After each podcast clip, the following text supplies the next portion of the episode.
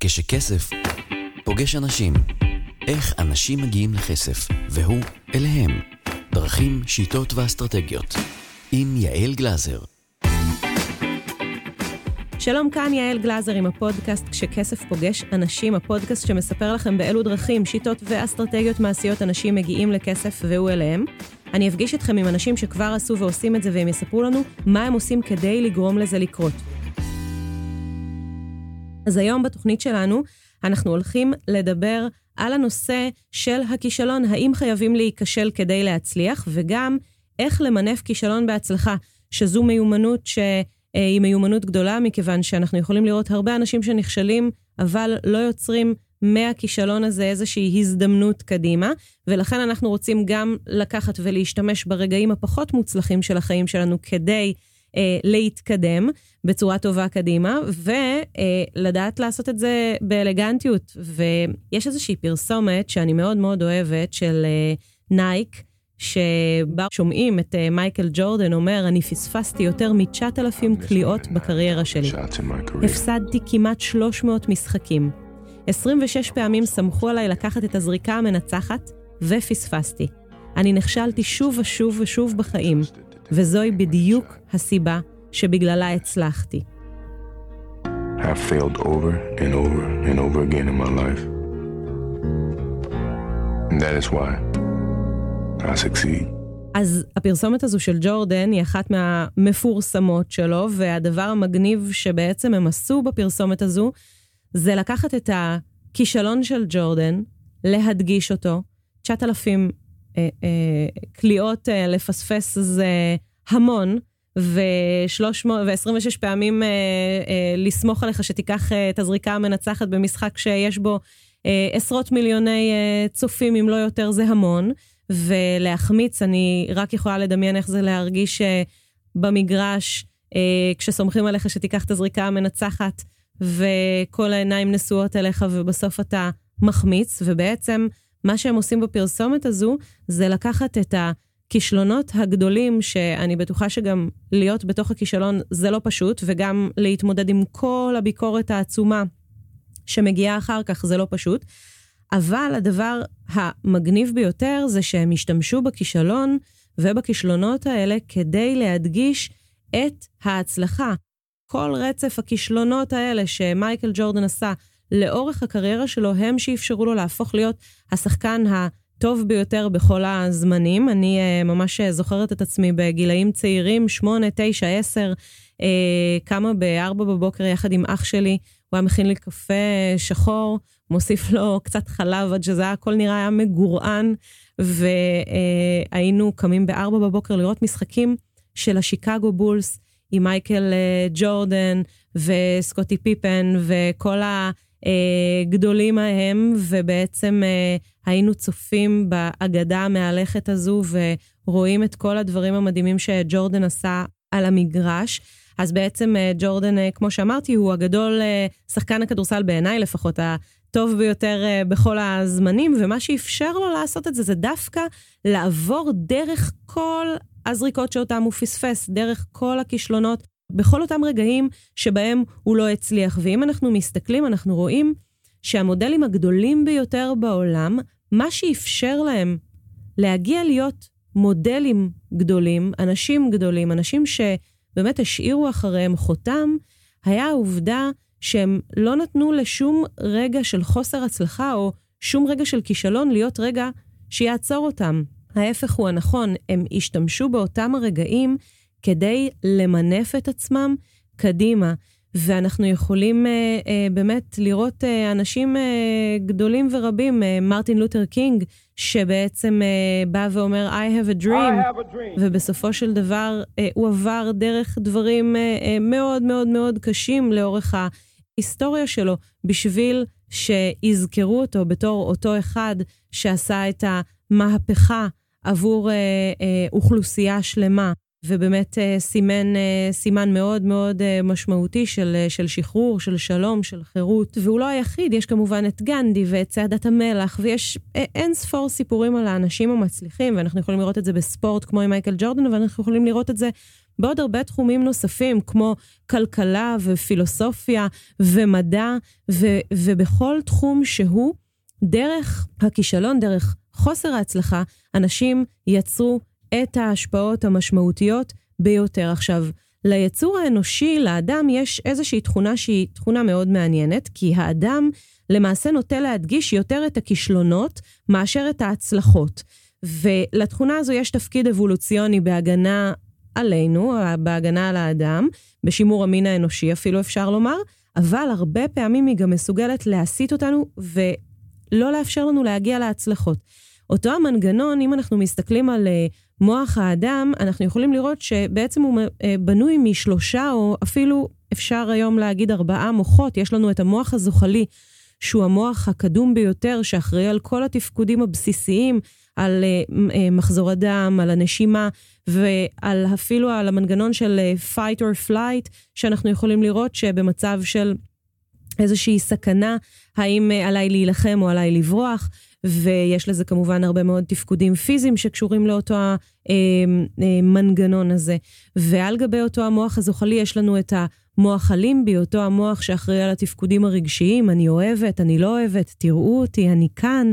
ועליו יש את הקורטקס, אה, שאחראי על תפקודים השוואתיים, תפקודים שכליים, והיום כבר מדברים בעצם על המוח הרביעי, על הנאו-קורטקס, אבל אנחנו לא נרחיב את הדיבור על כל המוחות המתקדמים יותר, אני דווקא הייתי רוצה להתמקד בלדבר על אותו המוח הזוחלי, המוח הקדום ביותר, שבעצם אה, תופס, אם אמרנו קודם שיש את מנגנון ה-fight or flight, שבעצם אה, נועד כדי להגן עלינו מפני סכנה. אם מגיע אריה, אז מה שאני יכולה לעשות זה או להילחם בו, או לברוח. והרבה פעמים האדם תופס עדיין ביום-יום, למרות שאנחנו כבר לא נמצאים בסוואנה ואנחנו לא בג'ונגלים, ומעט מאוד פעמים אנחנו באמת צריכים אה, להילחם או לברוח כדי להגן על החיים שלנו, עדיין אה, גירויים מסוימים שמגיעים במהלך היום-יום נתפסים כסכנה, ולכן אנחנו אה, אה, נמנעים מהם ונמנעים מלהתמודד איתם, וגם באותה מידה אנחנו הרבה פעמים נדגיש את הדבר כ, כמשהו שהוא לא עובד, נראה אותו כמשהו שהוא אה, שלילי, כמשהו ש... אה, אין בו הזדמנות, אנחנו נראה את הכישלון כמשהו אה, מאוד גדול, נעצים אותו, והרבה מאוד פעמים, בסופו של דבר, אנחנו נימנע מלהתמודד איתו שוב פעם. שוב, מאותו הרצון, אה, או הצורך, יותר נכון, להגן אה, אה, על עצמנו. אז אם האדם, ואנחנו יודעים את זה בצורה השכלתנית היום, שהאדם נמנע מלהיכשל כדי להגן על עצמו, אז אנחנו יכולים גם לדעת ש... אם אנחנו אה, אה, נימנע מהכישלון, אנחנו לא נוכל לאפשר לעצמנו להגיע למה שקורה אחריו, ומה שקורה אחרי הכישלון הוא הרבה מאוד פעמים דבר חדש, כי אני יכולה להשתמש באותו הכישלון, באותו שכר הלימוד ששילמתי כדי להתקדם למדרגה הבאה. אז הכישלון, למעשה חוסר ההצלחה, היא גם איזושהי מדרגה בדרך ליצירת הצלחה. ובעולם העסקי יש הרבה סיפורים על מצליחנים גדולים, כמו שאמרתי, שנכשלו אין ספור פעמים בתחילת הקריירה העסקית שלהם. אחד מהם הוא למשל קולונל סנדרס, שגם מוכר כ... מי שהביא לעולם את Kentucky Fried Chicken. ובעצם, קולונל סנדרס יש לו סיפור מאוד מעניין. כשהוא היה בן שש, אז אבא שלו נפטר, והוא התחיל להתנסות בבישול, ואימא שלו אה, יצאה לעבודה ולכן הוא היה צריך אה, לבשל עבור עצמו. וכשהוא היה בן 12, כשאימא שלו התחתנה מחדש, הוא ברח מהבית כי האבא החורג שלו הכה אותו, ובעצם הוא התחיל בכל מיני אה, אה, שרשרת של עבודות כאלה ואחרות, ובעצם בשנת אה, אלפ... אה, 1929 הוא פתח תחנת אה, דלק בקנטקי, שגם סיפקה אוכל לנוסעים, לנוסעים שעברו בתחנה. מההתחלה, אה, סנדרס היה כפייתי בנושא ניקיון ושירות טוב, ואלה, יחד עם היכולת בישול המאוד מאוד uh, טובה שלו, בעצם הפכו את המסעדה שלו ללהיט. המסעדה שלו בשלב מסוים הפכה להיות uh, קטנה מדי עבור קהל הלקוחות שגדל, ולכן uh, הוא פותח מעבר לכביש בית קפה, ובשנת 1935 סנדרס מקבל את תואר הכבוד קולונל ממושל מדינת קנטקי, ובעצם uh, ארבע שנים אחר כך הוא משלים איזושהי תערובת של תבלינים מאוד מאוד מיוחדת. הוא קצת היה מודאג מ, אה, מהעובדה שלקח אה, כחצי שעה להכין את העוף ואת השמן העמוק לטיגון. ואגב, אם היום אה, הוא היה משתמש בסיר לחץ, זה היה פשוט פותר לו את הבעיה, אבל אז אה, לא היה סיר לחץ. ובעצם, אה, אחרי שנבנה איזשהו מחלף מהיר במקום שבו עמד בית הקפה, קולונל סנדרס בגיל 66 יצא כדי למכור את אותו המתכון שהוא המציא למסעדות. אז הוא הלך עם חליפה לבנה שגם הייתה הסמל המסחרי שלו, ובעניבת חוטים שחורה, והוא בישל ארוחות לצוותי עובדים, ואם הם אהבו את זה, הבעלים היו משלמים לו אה, כמה סנטים עבור כל אחת מהמנות שהוזמנו. ובעצם, כדי להבטיח את הסודיות של המתכון שלו, התבלינים היו נשלחים בדואר למוסדות. והשנים עברו, ובעצם אה, קולונל סנדרס, אחרי שהוא עבר אין ספור אה, מסעדות, למעלה מאלף מסעדות, הוא הצליח סוף סוף למכור את הזיכיון למתכון שלו. הוא אגב היה הראשון שמכר זיכיונות, כלומר פיתח את שיטת ה franchise. ב-1964 כבר היו לסנדרס יותר מ-600 זיכיונות בארצות הברית ובקנדה ומשכורת שנתית של 300 אלף דולר.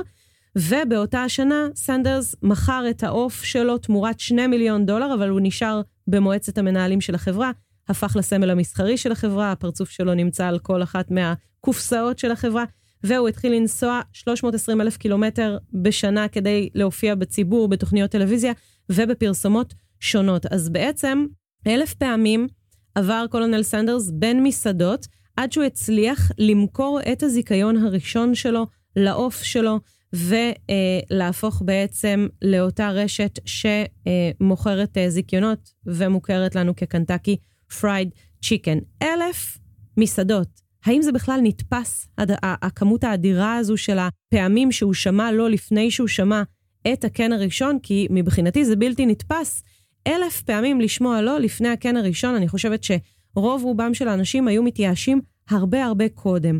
אז אותו הכישלון של קולונל סנדרס מעלה את השאלה האם חייבים להיכשל כדי להצליח, ויש כאן משהו שהוא קצת tricky, כי מצד אחד הייתי אומרת, לא, יש כאלה שלא צריכים להיכשל כדי להצליח, יש כאלה שיכולים רק להצליח, ומצד שני, אה, כדי להשתפר, הרבה פעמים אנחנו צריכים לעבור דרך פעולות לא מוכרות. וככל שאנחנו עוברים דרך יותר פעולות לא מוכרות, יש סיכוי שנמעד בדרך, או לא נעשה את זה טוב כמו שהיינו עושים את זה בפעם המאה, בפעם האלף ואחת, שסביר להניח שגם קולונל סנדרס כל כך השתפר באופן שבו הוא הציע לקנות את המתכון שלו, שבפעם האלף הוא לא הציע אותו באותה הצורה כמו בפעם הראשונה.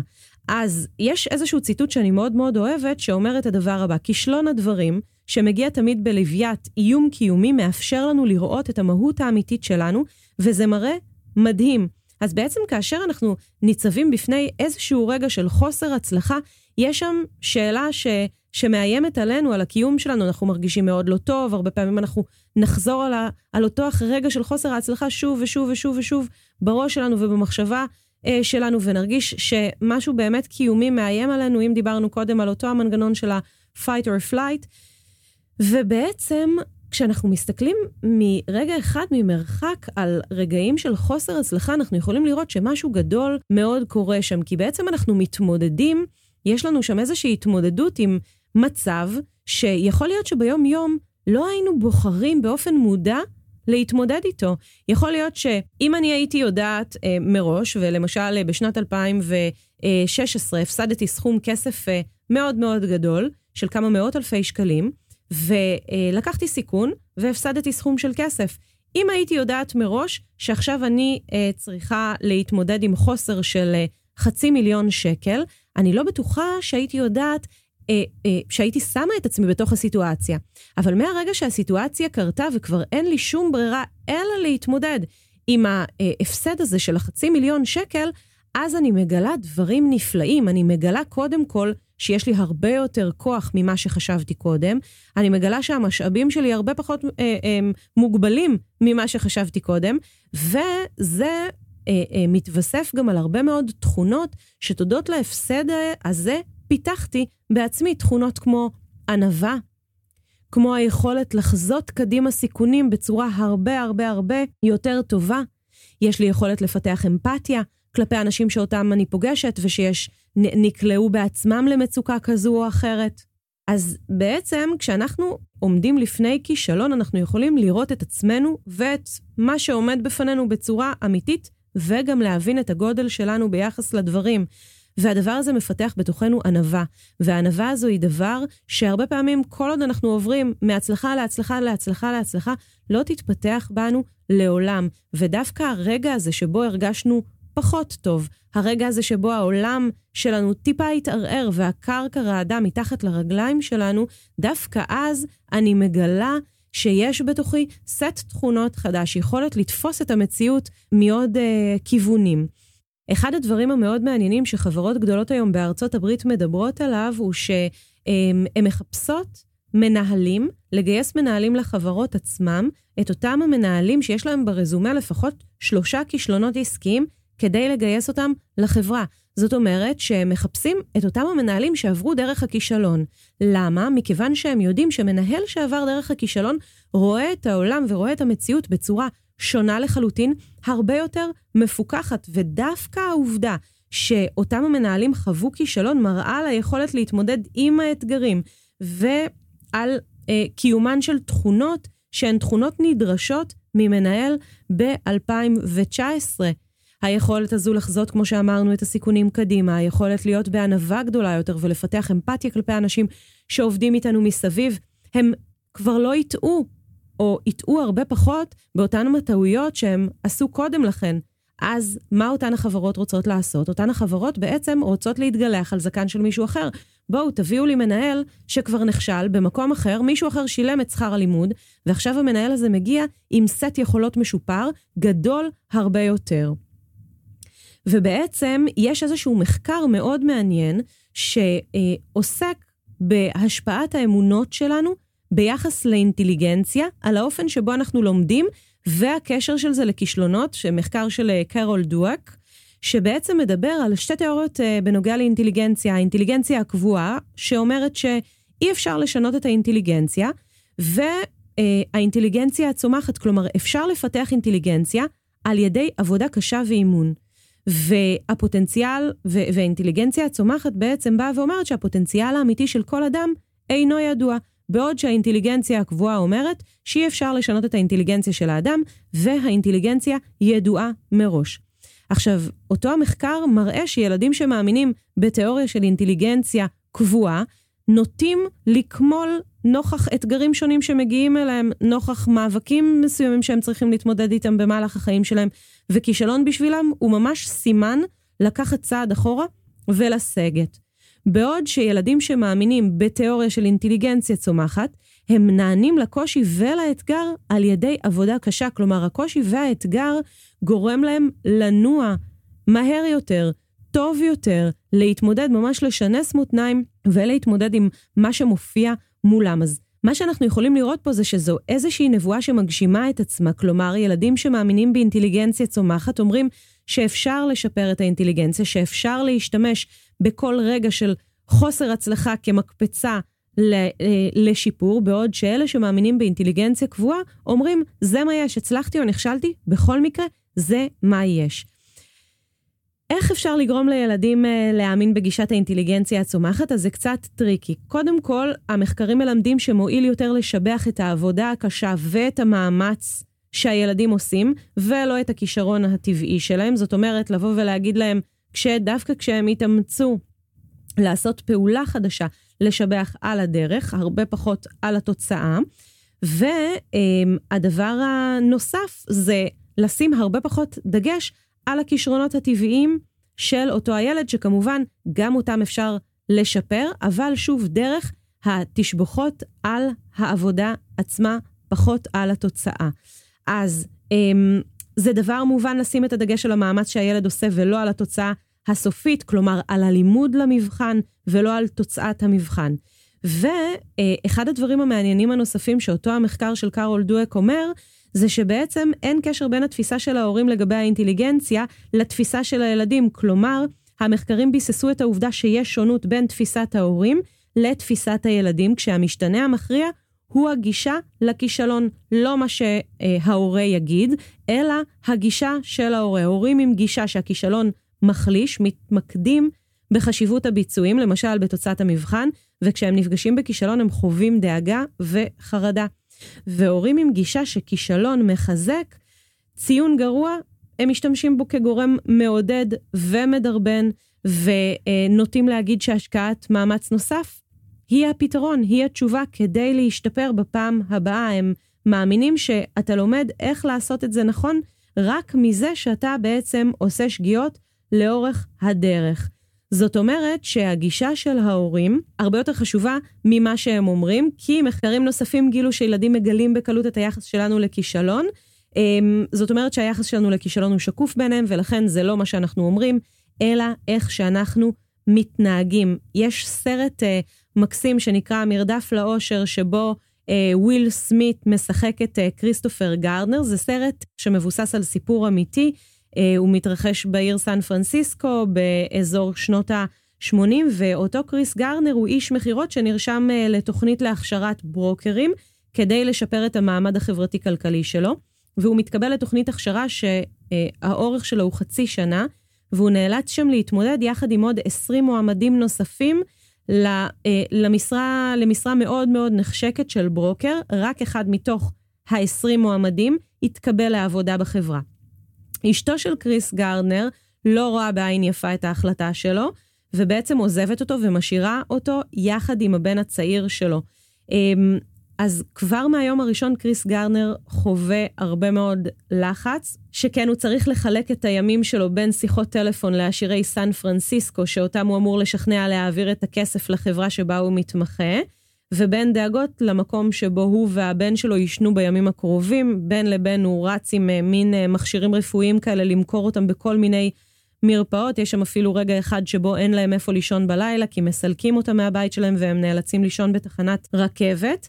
ובעצם יש סצנה אחת מאוד מאוד חזקה בסרט, שבה רואים את אה, וויל סמית שמשחק את קריס גרדנר עם הבן שלו במגרש הכדורסל, ובאיזושהי נקודה קריס גרדנר אומר לבן שלו, אתה בטח לא תהיה מאוד טוב בכדורסל, אז אה, אין לך מה לבזבז יותר מדי זמן במגרש, והבן שלו מתרגז וזורק את הכדור, ואז אה, קריס גרדנר תופס את עצמו, והוא אומר את המילים הבאות לבן שלו, זו סצנה שנחשבת לאחת החזקות בסרט, הוא אומר, Hey, don't ever let somebody tell you you can't do something, not even me, alright?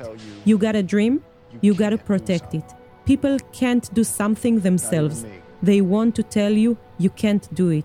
You want something, get it. Period. You got a dream, you gotta protect it. People can't do something themselves, they wanna tell you you can't do it.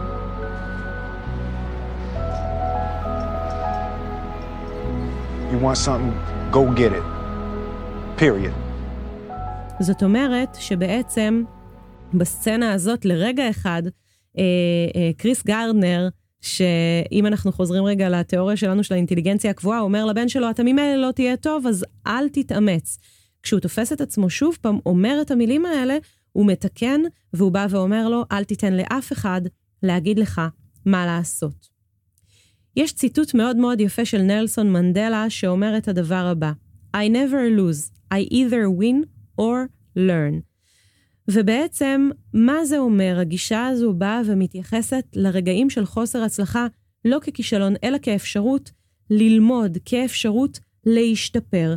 כי חוסר הצלחה הוא חלק בלתי נפרד מהחיים, הוא מצב שלמען האמת, אי אפשר ממש להימנע ממנו. מה שאנחנו יכולים זה למנף אותו, לצמיחה, כלומר, ללמוד ממנו. לפני כמה ימים הבן שלי רצה לצייר אה, מגן דוד, והוא ניסה לעשות את המשולשים, הוא בן חמש, ניסה לעשות אותם פעם אחת, ניסה לעשות אותם פעם שנייה, ופשוט ש, אה, אה, לא הצליח. בפעם השלישית אה, הוא לקח את הציור שלו, כימת אותו, זרק אותו, נשכב על הרצפה והתחיל לצעוק. אמרתי לו, טומי, בוא אני אעזור לך. אה, אני אעזור לך לצייר, הוא אמר לי, לא, אני רוצה להצליח לצייר את זה בעצמי, והוא לא הצליח, ובאותו הרגע הוא חווה כישלון בצורה מאוד מאוד uh, חזקה. מה שעשיתי היה לבוא אליו, ובעצם להציע לו שנצייר את זה ביחד. הוא סירב, הוא לא רצה לצייר את זה ביחד, הוא רצה להצליח לעשות את זה לבד.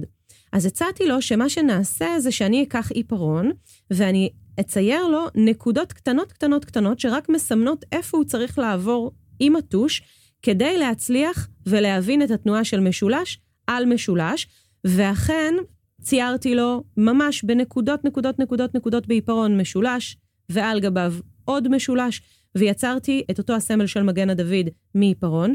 הוא לקח עט ועבר על גבי אותן הנקודות, ובעצם הצליח לייצר מגן דוד. ואחרי שעשיתי את התיווך הזה של איך מייצרים בעצם אה, מגן דוד, ציירתי לו עכשיו הוא מעתיק. אז מה השלב הבא? השלב הבא הוא בעצם לתת לו לעשות עוד כמה צעדים קדימה. גישת התיווך בעצם בשיטת החינוך לאלף השלישי של פטריציו פאולטי מדברת על שני עקרונות מאוד מעניינים בחינוך, תיווך והשלכה. אני לא ארחיב עליהם הרבה מאוד עכשיו, אבל אני רק אגיד שאותו הרעיון של התיווך, הוא לא מדבר רק אגב על ילדים, הוא מדבר גם על אה, אה, מבוגרים, על למען האמת כל בן אדם שאיתו אה, אנחנו אה, באים בתקשורת, איתו אנחנו באים במגע, הוא מדבר על הרעיון הבא, שבתיווך בעצם אנחנו הולכים 90 צעדים כלפי הילד, והילד הולך אלינו עשרה צעדים. זאת אומרת שאם החדר מבולגן מאוד, והילד שלי לא רוצה לסדר, אז יכול להיות שאני אאסוף את כל החדר בעצמי כדי ללמד אותו שעכשיו לפני ארוחת ערב אנחנו מסדרים, והוא ירים צעצוע אחד בסך הכל מהרצפה וישים אותו בתוך הסלסילה, כי זו היכולת שלו באותו הרגע. וברגע הבא, מה שיקרה בפעם הבאה, ביום הבא, אני כבר אשאיר שני צעצועים עבורו, ואני אעשה את כל יתר העבודה. כלומר, אני אלך 88 צעדים, והוא ילך 12, אוקיי? ובשבוע שאחרי זה, הוא כבר גם ילמד לקפל את השמיכה. כלומר, אני אעשה 80 צעדים, והוא יעשה 20. אותה הגישה של התיווך באה לידי ביטוי גם באותו מגן דוד. אני באתי ועשיתי 98 צעדים כלפיו, והוא עשה שני צעדים כלפיי. עכשיו, מה הצעד הבא? הצעד הבא היה, הוא לקח את העיפרון או את הטוש, ובעצם צייר משולש, והצליח כבר לצייר את המשולש שעליו בצורה עוד קצת עקומה. אז סיכמתי איתו שמה שנעשה עכשיו זה שהוא יצייר משולש אחד, ואני את המשולש השני. וזו כבר התקדמות, אלה כבר פחות צעדים שאני עושה אליו, ויותר צעדים שהוא עושה כלפיי. וככה בעצם לאט לאט לימדתי אותו איך לצייר את המגן דוד. האם הוא יכול היה באותו היום לעשות לבד מגן דוד? לא. לקחו לזה כמה ימים, כמה ימים שבהם אני עשיתי יותר, והוא עשה פחות, ולאט לאט אני עשיתי פחות והוא עשה יותר, וככה הוא למד לצייר מגן דוד. ובעצם, מה הגישה הזו מלמדת את uh, תום, ומלמדת uh, כל uh, אדם שנמצא סביבנו? תנסה מספיק פעמים ותלמד. יש לך הרבה מאוד מערכים תומכים מסביבך, שיכולים לעזור לך להגיע לתוצאה שאותה אתה מבקש. אם תשתמש במשאבים שלרשותך בצורה נכונה ובצורה טובה יותר, אתה לאט לאט תשתפר. אז לימדתי את תום לא רק לנסות מספיק פעמים כדי לייצר את ההצלחה, אלא גם להשתמש בצורה טובה במי שנמצא סביבו, כדי להגיע לתוצאה שאותה הוא מבקש. אני חוזרת שוב על הציטוט האהוב עליי של נלסון מנדלה, I never lose, I either win or learn. כלומר, גם באותו הרגע שבו תום מתעצבן זרק את הנייר לפח, השתמשנו בו כאיזשהו רגע ללמוד איך אנחנו יכולים לקחת רגע של פחות הצלחה ולהשתמש בו בצורה טובה יותר כדי להגיע לתוצאות הנכונות. אז בפודקאסט היום אנחנו בעצם ראינו שהכישלון הוא חלק מהחיים. ראינו שבסביבה העסקית של המאה ה-21 כישלונות לא נתפסים עוד כמשהו שצריך להחביא, אלא כחלק חשוב מהקריירה של כל מנהל גדול, שמאפשרת לו לפתח תכונות שלא קיימות ללא הכישלון, ושחברות גדולות היום בעצם מבקשות לקבל אליהן מנהלים שכבר חוו לא כישלון אחד, אלא כמה כישלונות בארסנל שלהם, מכיוון שהן פיתחו בתוכם מיומנויות שלא יכולות להיות למנהל שרק חווה הצלחות לאורך הקריירה שלו. זאת אומרת שאם החברות הגדולות נותנות לעצמם את הלגיטימציה לנהל אנשים שעברו כישלון, אנחנו ודאי ובוודאי יכולים להתייחס לרגעים של חוסר הצלחה אצלנו כאל מקפצה, כאל מנוע צמיחה, כאל שכר לימוד שאיתו אנחנו יכולים להשתפר. אחד הדברים שאנחנו רואים שוב ושוב שקורים אצל אנשים שנכשלים זה שאחרי כישלון הם פשוט נעצרים. וברגע שאתה נעצר אחרי כישלון, זה אומר שאתה בעצם לא השתמשת בכל מה שלמדת כדי למנף אותו לצעד הבא. אתה נעצרת ממש לפני שהרגל שלך נמצאת על המדרגה הבאה למעלה. ובנקודה הזו, זו הנקודה הגרועה ביותר אגב להפסיד, כי זו הנקודה שבה אפשר לעשות את השינוי המשמעותי, שינוי שמבוסס על כל מה שלמדתי לאורך הדרך. הגישה שלנו לכישלון והגישה שלנו להצלחה בעצם ניתנה לנו במתנה על ידי ההורים שלנו, שלהם הייתה גישה של אינטליגנציה קבועה או של אינטליגנציה צומחת, וזה בכלל לא משנה מה הייתה הגישה של ההורים שלנו כלפי כישלון, האם הם תפסו את הכישלון כמשהו שצריך לעצור אותנו, או כאיזשהו אתגר שאיתו אנחנו רוצים להתקדם, זה בכלל לא משנה, כי אנחנו יכולים לקחת ולעשות reset להשפעות האלה היום, ולהשתמש בכל אחד מהרגעים האלה, רגעים של חוסר הצלחה, כרגע שבו אנחנו מתחקרים את חוסר ההצלחה, מבינים למה אה, אותו רגע של חוסר הצלחה הגיע, מה הייתי יכולה לשפר, ובעצם אחרי שעשיתי את התחקיר העצמי על אותו רגע של חוסר הצלחה, אני אוכל לדאוג להשתפר, וגם אוכל לדאוג שאני לא אכשל שוב בגלל אותו הדבר, כלומר, אני אייצר כישלון שונה. אני לא אפול שוב לאותו הבור, אלא לבור אחר. ואז בצורה הזו אני בעצם פעם אחרי פעם אצור את אותו גרף של שיפור שהוא כל כך חשוב. אני אנסה לא להיכשל שוב באותו הדבר, זה כמובן אפשרי, אני אנסה לתחקר מספיק טוב אירוע שעבר בחוסר הצלחה, כדי שהפעם הבאה תהיה אה, כישלון מסוג אחר, כישלון כבר שקשור לסדרי גודל גדולים יותר של מישהו שצמח עוד קצת, כבר לא אה, חוסר הצלחה של אה, סמנכ"ל, אלא חוסר הצלחה של מנכ"ל, שנדרש להתמודד כבר עם מיומנויות שונות לחלוטין. אז עד כאן לגבי הפודקאסט שלנו, שמדבר על האם חייבים להיכשל כדי uh, להגיע להצלחה ואיך ממנפים uh, כישלון בהצלחה. וזה כמובן על ידי uh, הנקודת מבט שאנחנו מסגלים לנו על הכישלון והיכולת שלנו להשתמש בו כמקפצה עבור השיפור שלנו. עד כאן תודה שהייתם איתי היום בתוכנית שלנו, כשכסף פוגש אנשים, האם חייבים להיכשל כדי להצליח ואיך למנף כישלון בהצלחה. עד כאן להפעם. פרקים נוספים של כשכסף פוגש אנשים תוכלו למצוא בכל האפליקציות המובילות. לשאלות, ייעוץ והרצאות. צרו קשר באתר יעלגלזר.co.il הופק על ידי פודקסטיקו.